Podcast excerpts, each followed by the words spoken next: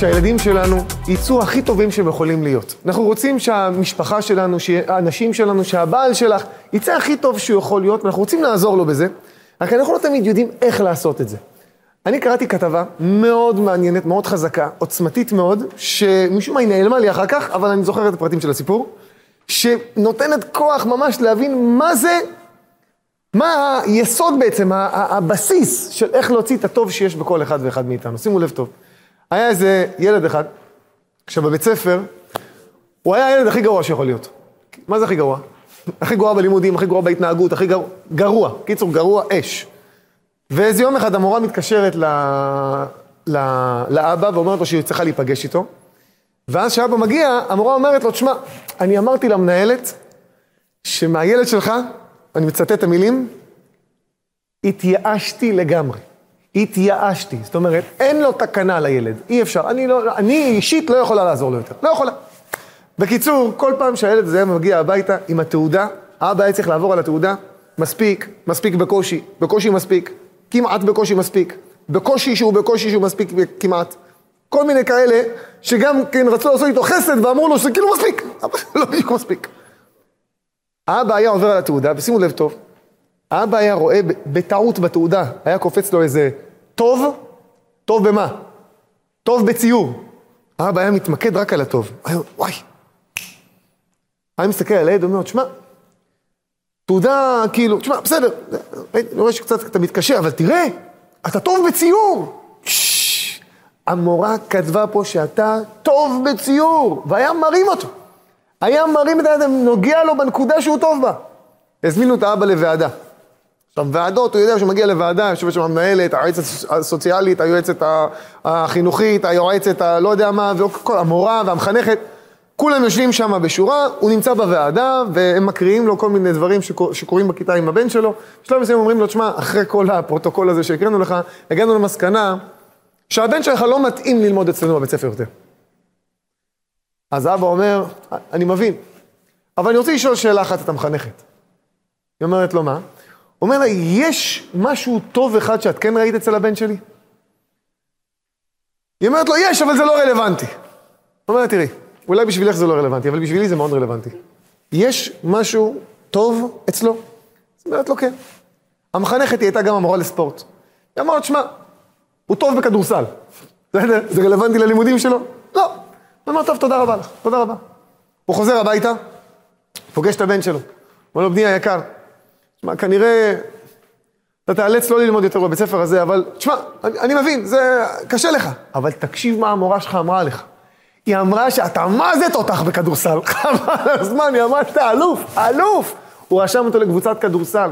הילד התחיל להתאמן, חבל על הזמן, התחיל לצאת למשחקים, קיבל מדליות, גביעים, התחיל לעלות במדרגות של הכדורסל, נהיה תותח, תותח. הגיע לנוער, לקבוצה של נוער יותר מתקדם, בסופו של דבר הגיע לליגה הארצית, בשלב מסוים הוא בא לאבא שלו אחרי שלוש שנים שבכדורסל, שלוש או ארבע שנים, הוא אומר לאבא שלו, אבא, אני החלטתי לעזוב. מה אתה רוצה לעשות? הוא אומר לו, אני רוצה להיות רופא. אבא שלו אומר לו, הוא לא צחק כמובן, הוא לקח את הדברים שלו ואמר, שמע, אם אתה רוצה ללכת על זה, אני אחריך. רק הוא סיפר את זה למשפחה המורחבת, האבא. המשפחה שאמרו שהילד רוצה להיות רופא, אמרו לו, אה, רופא. חזק, רופא, חזק. זה מזכיר את, ה, את אותו אחד, בן דוד, שמצא איזה דג זהב, ואמר לו, הדג זהב, תשמע, תשחרר אותי, אני נותן לך איזה משאלה שאתה רוצה, מה שאתה רוצה. הוא וואלה, מה שאני רוצה, הוא אומר לו, כן, מה שאתה רוצה. הוא אומר, וואלה, אני רוצה גשר מפלסטינה עד אמריקה, עם צבעים ירוק, צהוב, כחול, אה, אפור, עם כל מיני תאורה וכל משך הזה. הדג אומר לו, וואי, היא, איזה, איזה קונסטרוקציה קשה, מפה עד אמריקה, גשר. עושה משהו יותר קל, הוא אומר, וואלה, אני רוצה שהבן שלי, אחמד, יהיה דוקטור, טוב? הוא אומר, טוב, באיזה צבע רצית את הגשר אמרת? אנחנו נלך על זה. מה נראה לך שיכול להיות דוקטור, הילד שלך, הוא נזרק מהבית ספר, הוא לא מצליח ללמוד אפילו אחד ועוד אחד הוא לא יודע. אבא שלו אמר להם, תשמעו, אם זה מה שהוא רוצה, אני אחריו עד הסוף. עד הסוף.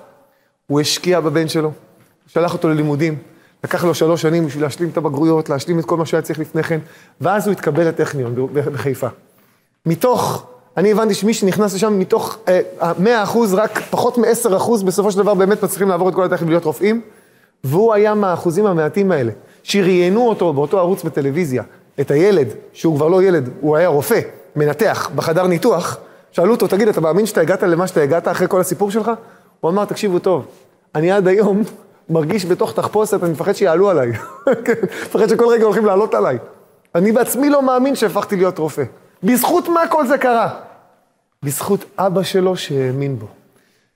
מתי שילד יש לו מבוגר אחד שמאמין בו ויודע מה הוא מסוגל ותופס את הנקודות הטובות שיש בו ומעצים אותן, מתעלם מהרע. אני יודע, זה קשה. נמצאים עם ילדים קטנים במיוחד בבית, או עם ילדים יותר בוגרים שככה מתחילים למרוד, וזה מאוד מאוד קשה לא להעיר לו על דברים שהוא עושה, ואתה יודע שהוא מפיל את עצמו עם הדברים האלה, אבל להתעלם לגמרי מהרע ולהעצים אצלו את הטוב, זה מה שאומר רבי נחמן מברסלב. כותב בתורה רפ"ב הידועה, ועוד מעט ואין רשע, ואיבדת על מקומו ואיננו. מתי שאתה מביט על הנקודה הטובה שיש בו, אתה מוצא בו נקודה טובה ואתה מעצים אותה אצלו, זה הופך להיות משהו אחר לגמרי. הנקודה הזאת היא הולכת להיות, הופכת להיות נקודה מרכזית אצלו בחיים, ושהוא מתמקד בנקודה הטובה שלו, זה מה שהוא רואה אצל עצמו, אז זה מה שמתפתח. לעומת זאת, ברגע שמתמקדים על נקודה רעה, זאת אומרת, אומרים לו, שמע, אתה לא בסדר בזה, אתה לא בסדר בזה, אתה לא בסדר בזה, אז זה מה שהוא רואה אצל עצמו. הוא מעצים את אותה נקודה רעה, ואז בסופו של דבר זה מה שהוא נהיה. שימו לב טוב. יש אה, אה, אמרה נפלאה שכתוב בגמרא במסכת חגיגה, מה, כמו מעשה כזה שהיה, על רבו של רבי מאיר בעל הנס. הגמרא במסכת חגיגה אומרת, ארבעה נכנסו לפרדס, ארבעה תנאים קדושים מרבותינו הראשונים, נכנסו לפרדס התורה לעומק הדברים, ועשו עליית נשמה, זה נקרא. עליית נשמה. רבי עקיבא, בן זומא, בן עזאי ואלישע בן אבויה. מתי שרבי עקיבא נכנס לפרדס התורה, הוא הצליח להיכנס בשלום ולצאת בשלום, ולא להתבלבל ממה שהעיניים שלו ראו. בן עזאי ובן זומא, שניהם נכנסו ונפגעו, אחד מהם השתגע לגמרי ואחד מהם מת. אלישע בן אבויה נכנס לפרדס, זאת אומרת, עשה עליית נשמה לעולמות הרוחניים, וכשהוא ירד, הוא כפר בעיקר. השתבשה עליו דעתו לגמרי, כפר בבורא עולם. יש כמה סיבות למה כפר בבורא עולם, שאומרים שם חז"ל, אבל מרוב שהוא הגיע לכפירה כזאת חמורה, הוא לא יכל לראות אנשים שמצליחים בתורה ומצליחים ברמה הרוחנית שלהם, הוא היה מתאכזר אליהם. אז הגמרא במסכת חגיגה בתלמוד הבבלי, אומרת שהוא ראה פעם, אה, עבר על 13 בתי כנסיות בשביל לשאול ילדים, פסוק לי פסוקך, בזמנם, אתה שלא היו הולכים לבבות וכל מיני כאלה שמגלגלים את העיניים אחורה ואומרים כל מיני דברים. היו הולכים לילדים, או שואלים אותו, מה למדת היום בתלמוד תורה? איזה פסוק למדת? וככה זה היה כביכול עובר מסר מבורא עולם אליו. הוא היה, מהפסוק הזה אומר, מה בורא עולם רוצה להגיד לו. כן, הגמרא אומרת, ברגע שהסתלקה נבואה מישראל, ניתנה לשוטים ולילדים. אומר לו, פסוק לי פסוקך. 13 ילדים אומרים לו, פסוקים שהמשמעות שלהם זה, אין לך מה לחפש פה, זהו. אתה, נגמר עליך, עבר עליך הקרח, אתה לא יכול יותר לחזור בתשובה, אין לך תקנה. האחרון אמר לו את הפסוק, ולרשע אמר אלוהים, מה לך, אה, מה לך לבקש חוקיי. הוא אמר לו, והיה לו איזה שסע כזה בשפה, הוא שמע, במקום ולרשע אמר אלוקים, ולאלישע אמר אלוקים. אמר, זה, זהו, נגמר, אין לי תקנה. אז כתוב אצלנו בתלמוד הבבלי, שאלישע בן אבויה הרג את אותו ילד. הרג את אותו ילד, עד כדי כך, היה רוצח. אבל בתלמוד הבבלי כתוב שהוא לא הרג רק ילד אחד. אני אקריא לכם את הלשון המדויקת שכתוב בתלמוד הירושלמי במסכת חגיגה בדף ט עמוד א'. שם כתוב ככה, שאלישע בן אבויה היה נכנס לבתי כנסיות, ומתי שהיה רואה תלמידים שמשתבחים בתורתם, הוא היה רוצח אותם. ולא עוד, מה זה ולא עוד? כשאומרים ולא עוד, זאת אומרת, אני הולך להגיד עכשיו משהו יותר חמור או משהו יותר קל? שיותר חמור, נכון? ולא עוד, אלא הוא היה עושה משהו יותר חמור מזה, מה היה עושה? הוא היה נכנס והיה רואה תלמידים שיושבים לפני רבם, והיו לומדים תורה. והיה אומר להם, מה אתם מחפשים פה ללמוד תורה?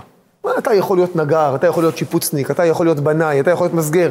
לכל אחד היה אומר, ללמוד תורה אתה לא מסוגל, אתה יכול להיות משהו אחר, אבל זה אתה לא מסוגל, עזוב, זה גדול עליך, אתה, אתה לא תצליח. על זה אומרת הגמרא, ולא עוד. מה הכוונה? שזה יותר חמור מלרצוח אותו. שאתה מראה לילד, שאתה מראה לאשתך, שאת מראה לבעלך, אתה לא מסוגל להיות טוב. יש בך כל כך הרבה רע. אתה לא יכול להיות טוב גם אם תנסה, תנסה לעשות דברים אחרים. ברגע הזה זה יותר חמור מרצח. מתי זה הופך להיות רצח ממש? מתי שהוא מאמין לזה. אם הילד מאמין שהוא לא מסוגל, באותו רגע נגמרו לו החיים. כי הוא לא יהיה מסוגל לעשות כלום. בן אדם חייב להאמין בעצמו שהוא מסוגל. יש מושג בפסיכולוגיה שנקרא אפקט פיגמליון, פרופסור רוזנטל כמדומני. מה זה אפקט פיגמליון? עשו מחקר, לקחו קבוצה של ילדים שהרמה לימודית שלהם ממוצע מינוס, והביאו אותם לבית ספר, ששם יש מורים מאוד מאוד טובים, הכי, הכי טובים בתחום שלהם, ואמרו להם, שמעו, הבאנו לכם תלמידים מהשורה הראשונה, מחוננים, גאוני עולם, אנחנו מצפים שהם ימצאו תרופה למחלה הידועה, כן? אנחנו מצפים מהם שהם ימצאו את הכלי שיוכל להילחם באטום. אנחנו מצפים מהם לגדולות, ממש לשנות את פני תבל. בסדר, אז אתם אמורים ללמד אותם עכשיו את האלף-בית. המורים אמרו, בואנה, כאלה נשמות נותנים לנו פה, אנחנו צריכים להשקיע בהם, חבל על הזמן. הם התחילו ללמד את הילדים, והם רצו חומר, והם קולטים שהילדים לא קולטים, אז הם אומרים, כנראה הבעיה היא אצלנו. הילד הזה אמור להיות גאון, כן? עבר סינונים על גבי סינונים עד שהביאו אותו מהאוניברסיטה אלינו, זאת אומרת, הילד הזה אמור להיות גאון. אם אני לא מצליח ללמד אותו, כנראה הבעיה היא אצלי ולא אצלו. ניסו כל מיני תוכניות איך ללמד אותם ואיך להעביר להם את החומר, בסופו של דבר, הילדים האלה יצאו באמת גאונים מהשורה הראשונה, כי ככה ראו אותם. אמא יקרה, כשאת מסתכלת על הבן שלך, ואת רואה בבן שלך, ישאלו אותך, תגידי, את יכולה להגיד דברים טובים על הילד שלך? את יכולה להגיד במה הוא טוב? איזה חסדים הוא עושה? איזה מידות טובות יש בו? אימא שלא מוצאת דברים טובים להגיד על הבן שלה, אבא שלא מוצא דברים טובים להגיד על הבן שלו, יכול להיות שהוא יותר רוצח מרוצח, לעומת זאת. אם אומרים לאמא, יש לך דברים טובים שאת יכולה להגיד על הבן שלך? והיא אומרת, בטח, מלא, אני כל הזמן רואה אצלו דברים טובים. מה זה, לגדול בבית שאימא שלך אוהבת אותך, לגדול... אני גדלתי בבית מרוקאי. בית מרוקאי, אתה לא צריך לעשות כלום בשביל שיאהבו אותך, כלום! האמא מסתכלת עליך ואומרת, תראה איזה יופי הוא נושם, אה, איזה יופי הוא נושם, איזה מתוק, תראה איך הוא נושם. אבני, איך הוא נושם! אומרים לה, תשמעי, הבן שלך מרחף, הוא כל היום בכיתה בעננים. אומרים, וואי, ידעתי שהבן שלי יהיה טייס, חבל על הזמן, יש לי בן מותק. אוהבים בלי גבול, סתם, סתם אוהבים, אין לו על מה לאהוב, אבל אוהב אותו. ברגע שילד מרגיש אהוב, הוא מרגיש שהוא טוב, הוא ינסה להיות הכי טוב שהוא יכול. בן אדם שלא מרגיש על עצמו שהוא טוב, הוא לא מרגיש שהוא בן אדם טוב, שיש לו מעלות, הוא לא רואה בעצמו את המעלות, אין סיכוי שיישארו אצלו המעלות. בגלל זה, אחד הדברים החשובים ביותר שאנחנו יכולים לצאת, מה שאני רוצה לצאת מפה מהשיעור הזה, זה לדעת איך להסתכל על הסובבים אותנו בנקודה הטובה שלהם. רבי נחמן מברסלב מלמד אותנו יסוד אדיר בתורה רפ"ב. הוא אומר, ברגע שאתה מסתכל על הבן אדם הרשע ביותר בעולם, הרשע ביותר, רשע זאת אומרת, בן אדם בזמן שהוא עושה עבירה הוא נקרא רשע.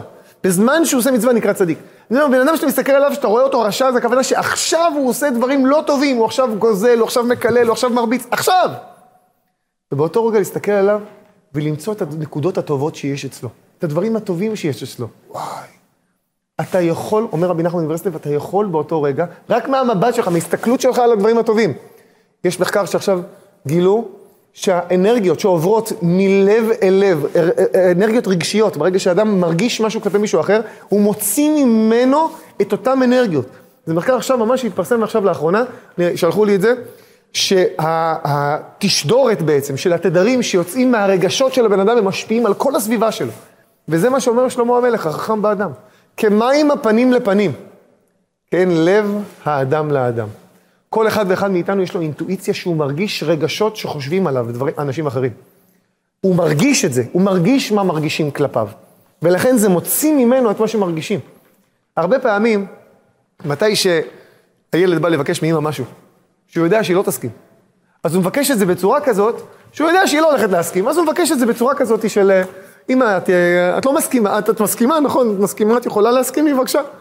זה גורם לאמא אוטומטית לא להסכים. למה? כי למה אתה מבקש ככה?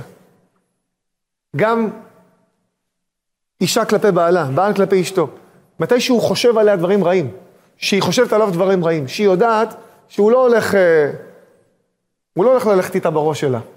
והיא באה ומדברת איתו כבר בגישה הזאת, כי זה מה שהיא רואה אצלו, זה מה שהיא הולכת לקבל ממנו.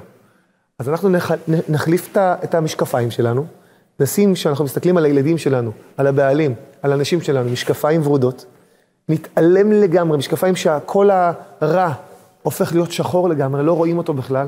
תסתכל אך ורק על הנקודות הטובות, תוך חודש, חודשיים, שנה, שנתיים, פתאום אנחנו נראה שהנקודה הטובה הזאת הפכה להיות כל המהות שלו. תודה רבה.